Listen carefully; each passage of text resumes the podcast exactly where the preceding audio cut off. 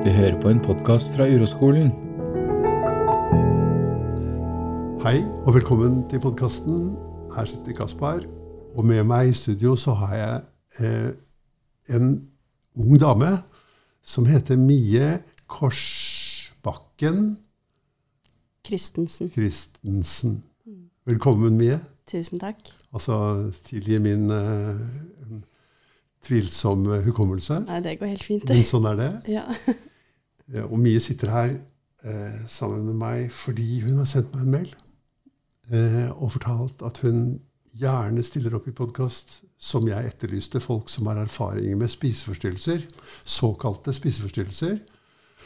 Og det sa Mie at hun hadde. Og så sa hun også til meg at hun går på Teaterhøgskolen.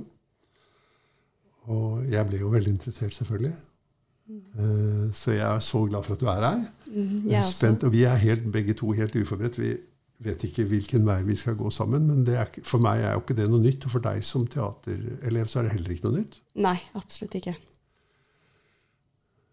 Mm. Så eh, da kan vi starte. Og kanskje um, Du vil fortelle litt om Du kan jo godt bare fortelle meg litt om din erfaring med det å ha spiseforstyrrelser. Det å ha Det å Jeg kaller det såkalte spiseforstyrrelser.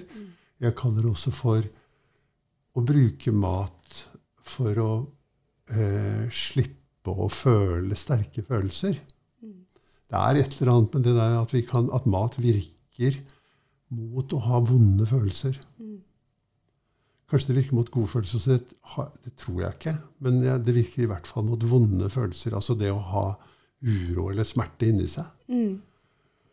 Så hvordan, eh, hvordan har det vært i ditt liv, da? Ja, um, det er jo også noe som um, har vært, og er fortsatt, ehm, en stor del av livet mitt. Ja. Um, men så er det se, de seneste kanskje månedene etter jeg begynte å faktisk lytte på denne podkasten, uh, at um, det har vært et lite skifte da, for meg. Fordi etter jeg, som du sa, begynte på Teaterhøgskolen, så Det var da det på en måte slo ut som det største dramaet i mitt liv, med okay. spiseforstyrrelser. Ja. Um, og det var da jeg fikk uh, en diagnose. Det var jeg, det var da jeg fikk behandling og ble fortalt at jeg hadde anoreksi. Og ble på en måte satt inn i den boksen, da. Um, Og min opplevelse av det var um, at, jeg, at jeg måtte på en måte oppfylle litt de kravene til å ha Jeg følte nesten at jeg jobbet for å ha en spiseforstyrrelse.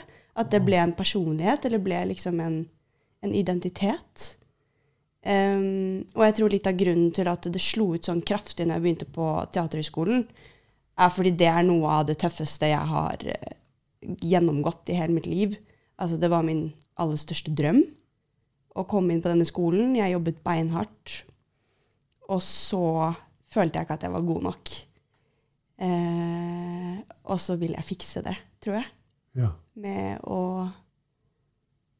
ikke mm, føle meg feil og eh, Ja. Så det, det, det at jeg hørte på denne podkasten og fikk liksom dette begrepet uro inn i livet mitt, det gjorde Jeg skrev også det til deg i den mailen, at det gjorde meg veldig sint. ja. Fordi at da følte jeg at det, det tok fra meg på en måte den redningsvesten da, som jeg har tenkt på, hele spiseforstyrrelsen har jeg tenkt på som en slags redningsvest. Du gjorde det da også, liksom? Fra før, liksom? Ikke bevisst, Nei, men da ble jeg på en måte bevisst Ja. på det. Ja. Um, Det og noe jeg har jo deg? Hva sa du? Det var noe du hadde på deg, sier jeg. Ja, det var vel noe jeg hadde på meg. Ja. Og så har jeg jo Ja, altså, jeg har gått veldig mye ned i vekt og vært veldig undervektig, og liksom har syntes veldig at jeg har hatt en spiseforstyrrelse. Hvis du har lyst til å høre resten av denne episoden, så finner du den inn på våre medlemssider. Og de er, ligger hos Patron. Det er en nettside, og der kan du høre på mange eksklusive episoder og hele podkastarkivet vårt.